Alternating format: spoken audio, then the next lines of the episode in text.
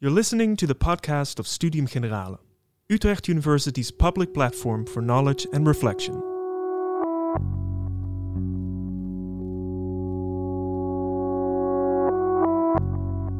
We don't just receive stimuli from the outside. Signals like hunger, thirst, arousal, or the need to pee come from within. Not everyone is aware of this mind body connection or well attuned to it. There are, for example, people who mix up hunger and thirst is there a way to increase our awareness of our body's signals? Can you learn to better interpret and understand what you're feeling? Listen to psychologist Jennifer Murphy, who studies the phenomenon of interoception, the sense of what's happening inside our bodies. Thank you, everyone. I'm really pleased uh, to be here today to talk to you all uh, about interoception. Um, I hope by the end of this talk, I will have convinced you that awareness of your body may be crucial for your health. But first, I want to think about how our bodies interact with the world. Uh, so we've got hearing, smell, taste, touch, and vision. But what if I told you that your teacher that told you you had five basic senses was maybe not telling you the whole story. And in fact, we also have three more senses. So we actually have eight basic senses. Now, you've had a bit of a spoiler, but does anyone have any ideas what the other three senses might be? Balance, exactly, your vestibular system. So, this is the one when you're going for a yoga class and you're trying not to fall over. This is the one that's kicking in just before you fall over. And what about the other one? We've got two more. Any ideas? What sense would it be if I was trying to work out where my body was in space? Uh, so this would be your proprioception. So this is this sort of awareness of is my leg here or is my leg here? So this awareness that I have, I don't need my eyes open, I don't need to be looking. I have this sort of awareness of my body in space. Any ideas what the last one is? You've had a bit of a spoiler of this one already. Interoception, exactly. And this is the one that we're going to focus on today. So, what is interoception? Interoception is defined as a perception of the internal state of your body. And this includes things like feeling your heart beating, your breathing, or simply knowing when you need to go to the toilet. And although this is a word that people may not have heard of very much, in fact, the term has actually been around since 1905. And we have this fella, Charles Sherrington, to thank for the introduction of this term. So, what he did was distinguish between these senses, which he termed exteroception, so awareness of things outside of our body in the environment, proprioception, as we talked about, so this uh, awareness of the positioning of our body in space, and interoception as how we're feeling signals like knowing when we're hungry or we're thirsty, for example. So, although some of these internal signals are perhaps easy to understand, we've got a couple of internal signals that perhaps you may not have expected. So, something like the heart is quite obviously internal. Your lungs are inside your body, for example. But there are other signals that are generally considered to be interoceptive, like the skin, even though actually the boundary between interoception and exteroception is a bit fuzzy, it's a bit blurred. And that's something that is debated by a number of different researchers in the field. Some people would argue that we need to be very strict and say that certain signals are internal and certain signals are external. But actually, there isn't really a clear separation, not in terms of physiology and not in terms of psychology either. It's actually very difficult to distinguish between what is and what isn't an internal signal. But I'd like you to have a go at trying to feel for your heartbeat. I'll stop talking in a moment and ask you to close your eyes and try and feel in for your heartbeat. Not cheating, using your hand to feel your pulse, that would be exteroception, but just trying to tap into that sensation of your heart beating. So if you'll join me in closing our eyes, we'll go quiet for a moment and try and tap in. Now, keeping your eyes closed, have a think about in your everyday life. In your everyday life, do you feel like you pay a lot of attention to your heart beating or other signals in your body, or do you not pay much attention at all? So, if you open your eyes now, you may be surprised to learn that there's actually a huge amount of individual differences, which means that different people are going to respond in different ways to these questions. Some people find it very easy to tap into these signals and pay lots of attention to them, and other people find it really quite difficult to perceive these internal signals and don't pay much attention to them at all. So, what I'd like to do now is find out how you found this. So, I'll just give it a couple of seconds. So, I'd like to know how accurately you felt that you could feel your heartbeats.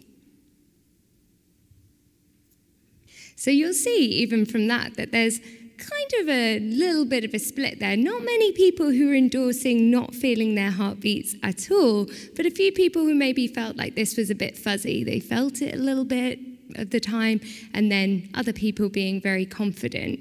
How about the second question? How much attention you pay to these signals in your everyday life? Again, a bit of a split here, but most people sort of straddling this middle uh, middle point where it's like, well, I pay attention to them when I need to, but not all of the time. In the same way of saying, well, sometimes I can feel my heartbeat and sometimes I can't. So you may have noticed that those two questions were different. So one asking about the amount of attention you pay to internal signals, and one asking about how accurately you believe you can perceive these internal signals. And this distinction between these two things is important. In fact, the amount of attention that you pay to internal signals doesn't seem to map onto your accuracy. So, just because you pay a lot of attention to signals doesn't mean that you're actually accurate at perceiving them. And this might make sense, actually, if we think about it. So, just because you're paying a lot of attention to, say, the sensation of needing to go to the bathroom, you are maybe about to go on a long drive and you're thinking, do I need to go? Shouldn't I go? Do I go? Well, you may find that if you go to the toilet, in fact, you don't need to. And in this situation, you would have high attention. You'd be very much monitoring this internal signal. But in fact, your accuracy of perceiving this internal signal would be poor. Now, of course, in the lab, what we do is we normally take an objective measure of these internal signals so we can determine whether your beliefs regarding how accurate you are actually maps onto your accuracy. So while self-report is one way that we can measure individual differences in interception, most of the time we are comparing some form of objective measurement to a person's perception to see if it's accurate or not. And the kind of tests that we use for these different things really depends on what we're measuring.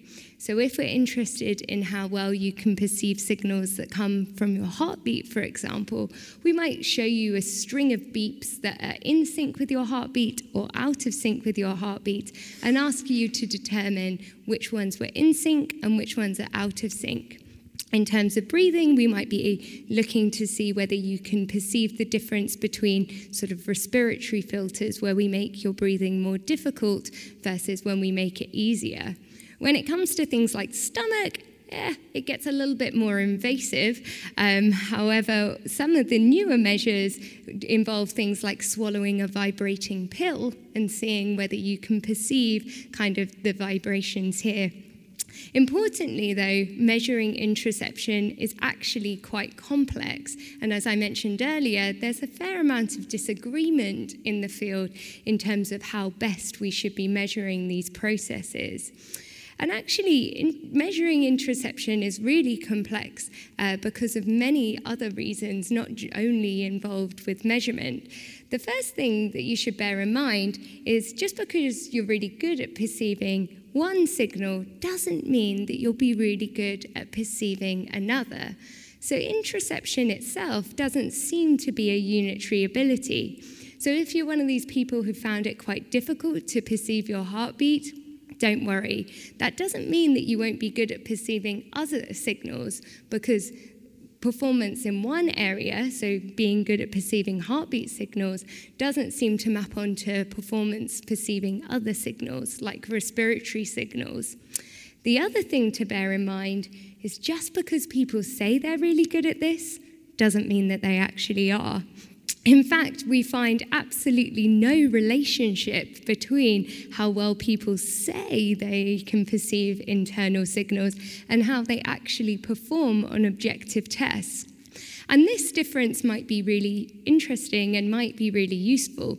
Because if we think about it, if you think you're really good at perceiving these internal signals and you're actually not very good, well, you're going to be relying on these internal signals for guiding your behavior when they aren't going to be very useful to you. And equally, if you don't think you're very good at perceiving these signals, and in fact, you are very good at perceiving them, well, you're sort of missing out on an important piece of information that might be useful to you. But why would it be useful? Let's think about why interoception might be useful at all.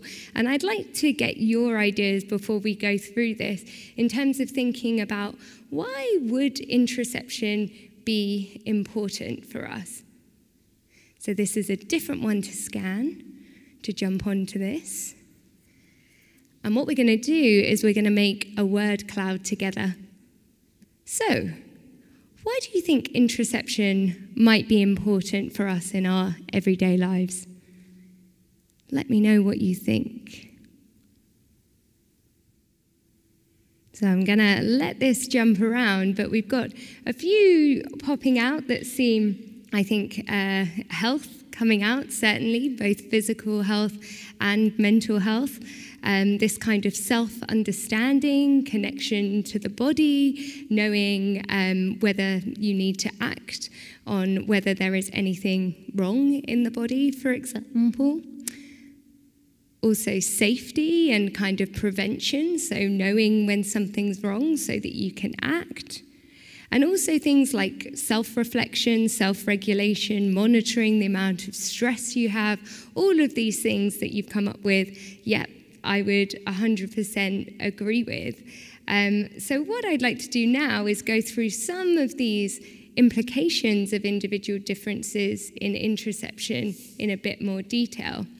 And firstly, I just want to point out that whilst everyone does big up their own research field, and I'm not lying, people are really interested in interoception at the moment. So, this uh, graph that you can see here is tracking from 1905, when the first uh, the term interoception was first introduced, until around 2015, and this is sort of continued on from there. And you can see there's been this massive uptick in interest in interoception since around 2015 onwards. You can see it slightly starts to increase around 1980 or so, where we have this increased focus on measurement of interoception. But in recent years, I would argue that interest in interoception has gradually grown and grown because of the understanding that you've all picked up on that interoception may be really important for our health.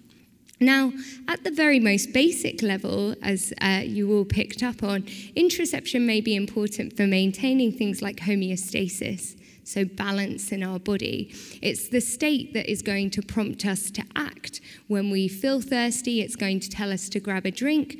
When we're feeling hot, it's going to prompt us to take off our jumper, for example. And understandably, if we have problems perceiving these internal signals, then we're going to be missing out on important cues for our physical health. And perhaps unsurprisingly, then, difficulties perceiving internal signals has been associated with a number of conditions, for example, like obesity and also eating disorders. But really, the contribution of interoception goes beyond mere physical health. And perhaps we can see it being quite obvious that there may be implications to not being able to perceive bodily signals for physical health. But for mental health, perhaps the link is a bit more tricky to understand. Now, in terms of the domains with which interoception have been associated with, there are a number of fundamental cognitive domains that individual differences in interoception seem to be influencing. And this includes things like emotional ability, so people with better interoception seem to be more sensitive to the emotions of other people. Equally, things like social skills, so for example, we find that people who are, have higher interoception also seem to be better at taking the perspective of another person. So, understanding that the contents of your mind might be different from the contents of another person's mind. And also, some studies suggesting that interoception may be important for things like learning and also decision making ability. There's a study that was done a few years back now looking at financial traders' profit and loss in relation to their interoceptive ability. And these studies found that there was this relationship whereby risky decision making was better in those who had higher interoception. And this might be the basis of phrases you may have heard of, like follow your gut or gut feelings and gut decision making. But all of these things so far have generally focused on the perception of other people's emotions or social abilities. And so, what I want to think about now is how interoception might contribute to our experience of our own emotions. So, how do we know if we are happy, sad, disgusted? Any ideas? How do we know that we're even experiencing emotions at all? Yeah? Yeah, so there's usually a change in your body's internal state. So I think most psychologists would agree that when we experience an emotion, there's usually some sort of change in our physiology. So, for example, like our heart racing fast. But the problem is that our heart beating fast, this could mean many things, right? We might feel excited, we might be scared or nervous, or we may have just run for the bus. So, most theories of emotions are suggesting that, as well as perceiving signals that come from the inside of our body, so noticing a change in our body's internal state, what we're doing is we're almost acting like detectives and trying to piece information from the world around us. So, the same insta- internal state might be interpreted in different ways depending on the context. So I'll break this down. Say we've got a racing heartbeat and we're about to go on holiday. Well, we might be labeling this internal state as the emotion of excitement. But equally, if you have a change in your body state and your heart is racing really fast and you're about to give a presentation or you are giving a presentation, what you may find is you're more likely to label this internal state as feeling a bit anxious or a bit nervous.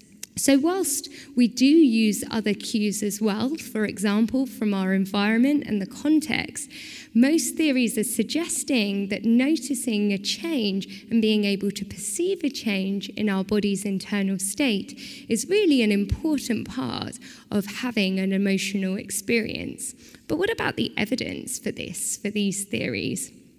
Well, many um, papers now are showing this sort of clear link between emotional ability and interoceptive ability. So, people who report having difficulties perceiving emotions also seem to report having difficulties perceiving interoceptive cues, for example, hunger or tiredness. And we also find that people who report emotional difficulties, so who struggle to perceive their emotions or describe their emotional experience, also seem to rely more on external cues in the environment rather than internal cues when gauging things like their internal states. Now, what do I mean by this? Well, this was an experimental task where we manipulated this, and it was a respiratory task.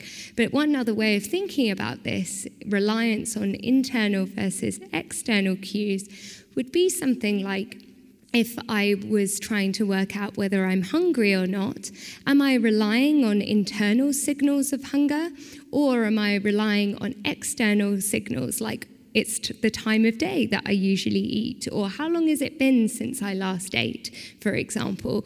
And what we find is that people who have difficulties with emotions don't seem to be using these internal cues. What they seem to be relying on more is external cues in the environment, perhaps to be compensating for any difficulties that they have with interoception. So, what this has all been leading to, perhaps, is this link that we see between interoception and mental health. And perhaps it's not massively surprising given that interoception seems to be impacting upon a variety of these fundamental cognitive domains, that in fact we do seem to see this link between interoception and mental health. In fact, there are a number of different conditions, and I'm just putting a few up here, but a number of conditions where differences in interoception have been reported. Now, some of these differences are going to be lower accuracy of perceiving internal signals, and others being more attention to internal signals, as well as things like differences in the interpretation of internal signals. So, there's many different ways that individuals may differ with respect to interoception, and we don't necessarily see the exact same interoceptive profile across a variety of different conditions. But in fact, the fact that we see there are so many conditions that seem to be associated with these difficulties with interception or differences with respect to interception has led towards the suggestion that interception might be a sort of common vulnerability factor across a variety of different conditions. Now, this suggestion has led towards the idea that interoception might go some way towards explaining, in part, why some conditions share so many symptoms in common. So, if we think about a number of mental health conditions, things like emotional difficulties, somatic symptoms, so these are physical symptoms, problems with sleep, for example, as well as social difficulties, these general symptoms are not specific to one mental health condition. In fact, they are observed across a variety of different conditions, and interoception has been associated with all of these different sort of symptoms and difficulties. But actually, as I mentioned earlier, there are specific interoceptive profiles across different conditions, meaning that different conditions have unique profiles with respect to interoception. And in that way, these kind of unique profiles might be contributing towards some of the symptoms that are more specific to conditions, things like panic symptoms in anxiety or atypical eating in eating disorders, for example. Now, this is also a, uh, uh, sort of fitting with evidence that we find from neuroimaging. So, this is quite an interesting paper where what they did is they looked across a number of different mental health conditions and they looked to see whether there was common areas in the brain that seemed to be disrupted or atypical. And what they found was there were two regions that seemed to be common across different mental health conditions, and these were the insula and the anterior cingulate cortex. And in fact, those are two areas that are associated with the processing of interoceptive signals. So, the insula being really this area that integrates interoceptive signals together, and the anterior cingulate cortex, generally considered to be an area that prompts us to, to act on these internal signals. So, grab a drink when we feel thirsty, for example. Now, in terms of how um, people with different mental health conditions seem to be performing when they're doing these interoceptive tests. Again, this is a study where they pull together lots of different evidence and had a look across it. So they ran a meta analysis, and what they found was again, there was common uh, atypicalities in the insula that were associated with a number of different mental health conditions. So, common across these conditions when performing these interoceptive tasks was this uh, difference in the activation in the insula and therefore, again, suggesting that uh, the insula and also interoception being implicated as this kind of common factor. What's also very interesting about this particular paper was they examined the areas that seemed to be targeted by treatments, so, for example, medication treatments. And what they found was that this area the insula isn't being targeted by medication treatments, and therefore suggesting that treatments that may be targeting interoception could be useful for improving mental health. So we get to the question that I get asked every single time that I do a talk on interoception How do I improve my interoception? What am I going to do to make this better? And I'm going to give you the answer that I give every time I do this talk, which is to hold on a moment. And this is because we don't really know what the optimal level of interoception might be. It's certainly a situation where potentially you could have too much of a good thing. So it might be useful to pay attention to your internal signals when something's wrong, and hopefully your body is going to be able to perceive and tell you that something's wrong. But this probably isn't something that you want to be monitoring all the time. So, if you're paying a lot of attention to what's going on in your body, you're probably going to be missing out on other information. So, you kind of want that flexibility in terms of the amount of attention that you're deploying to this internal signal. So, because we don't know exactly where is optimal, we don't want to train people to be so good with interoception, which then ends up being maladaptive, in equally being uh, finding this very difficult might be maladaptive. So until we know what the optimal level is, actually um, seeking to improve interoception may have consequences that we don't want. The other thing is that all of the evidence, at least that I've shown you so far, doesn't suggest that there's a causal relationship between these two things. All we've done so far is show you that there are associations between one thing and another. And just because there's an association between two things doesn't mean that they're causally linked. There could be a kind of third variable driving this relationship that we are not aware of. And you may have come across this idea before, but I love this example, which is this genuine correlation between eating ice cream and getting sunburn. Now, when I've had a bad day and I sit down on my sofa with my tub of Ben and Jerry's, I don't think I'm at too much risk of getting sunburn. And this is because, in fact, there isn't really a causal relationship between these two things. No, this relationship is driven by the fact that you eat ice cream on a hot and sunny day, but you're also likely to get sunburn on a hot and sunny day. And so at the moment, we don't really know whether there's a causal relationship between interoception and these factors.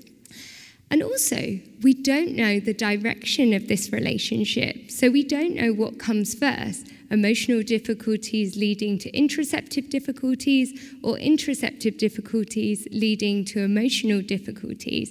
In fact, just because there is an association doesn't mean that we know the directionality here. And what I mean by directionality is we don't know what is driving this relationship, if in fact there is one. And if we think of something like an eating disorder, for example, this is probably the easiest way to understand what I mean by directionality. So you can maybe say that perhaps difficulties perceiving signals like hunger might lead you towards having a greater liability towards developing an eating disorder, but equally, you could plausibly suggest the other route whereby if you have uh, developed an eating disorder, that in fact then you would be deliberately suppressing these internal signals, and this again might lead towards difficulties with interoception.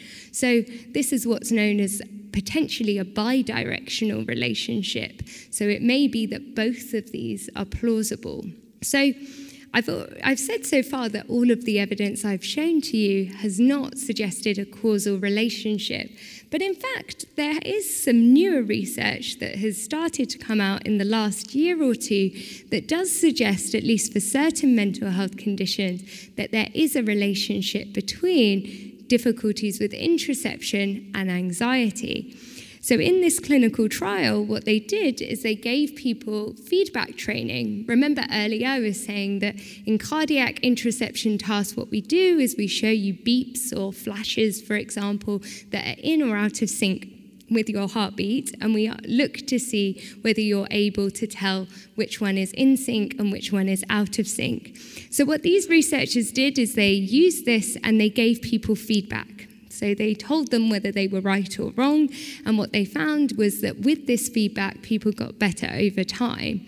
As well as this, they gave them psychoeducation. So telling them that it's normal if your heartbeat changes across the course of the day, don't be worried about that, and also challenging kind of negative interpretation of these internal signals.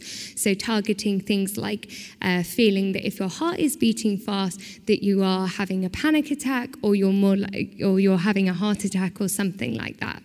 So, what they did is they gave all of these different things to participants as well as a control group. And what they found is that this training, which involved the psych- uh, psychoeducation and feedback training, seemed to improve interoceptive ability and also improved anxiety symptoms.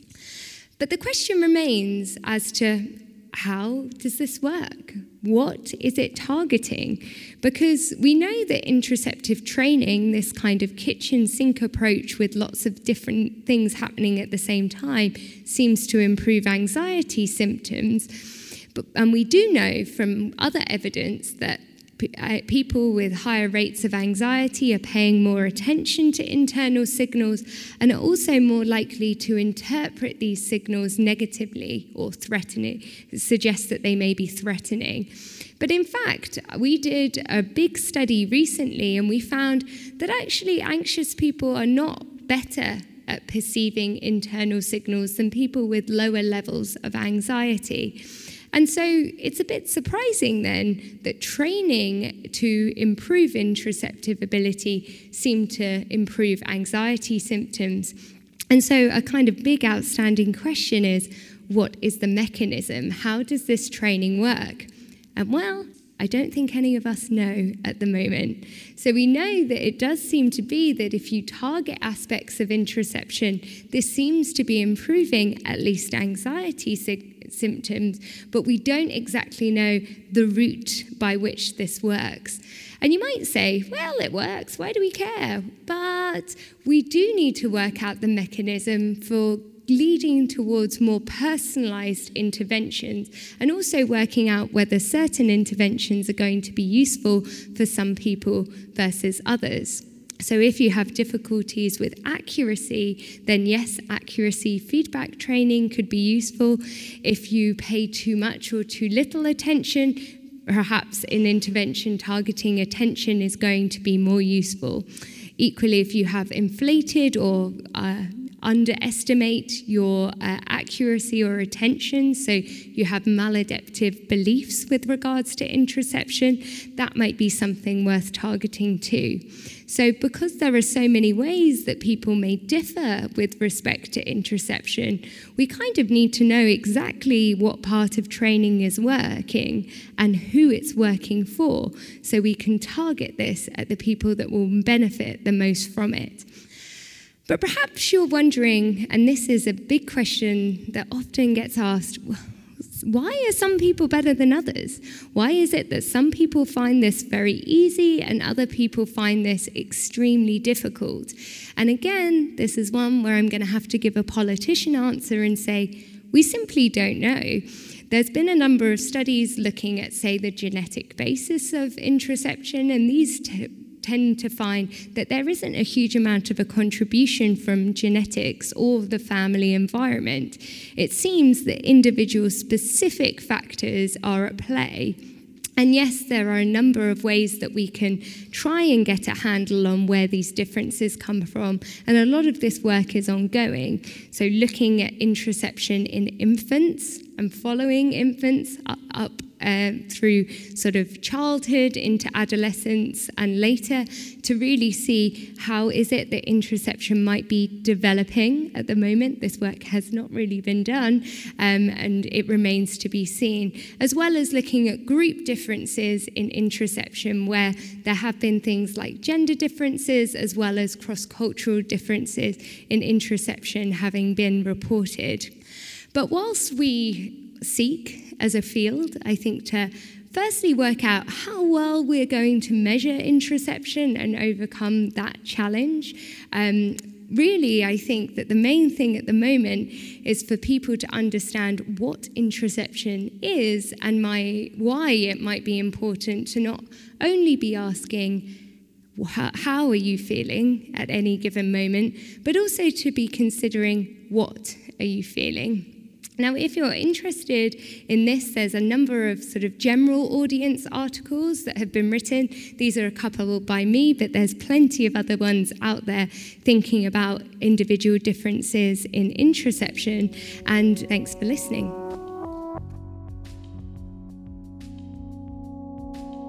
You've listened to the Studium Generale podcast. Do you want to hear more episodes? Go to sg.uu.nl slash podcast or subscribe to Studium Generale on your favorite platform.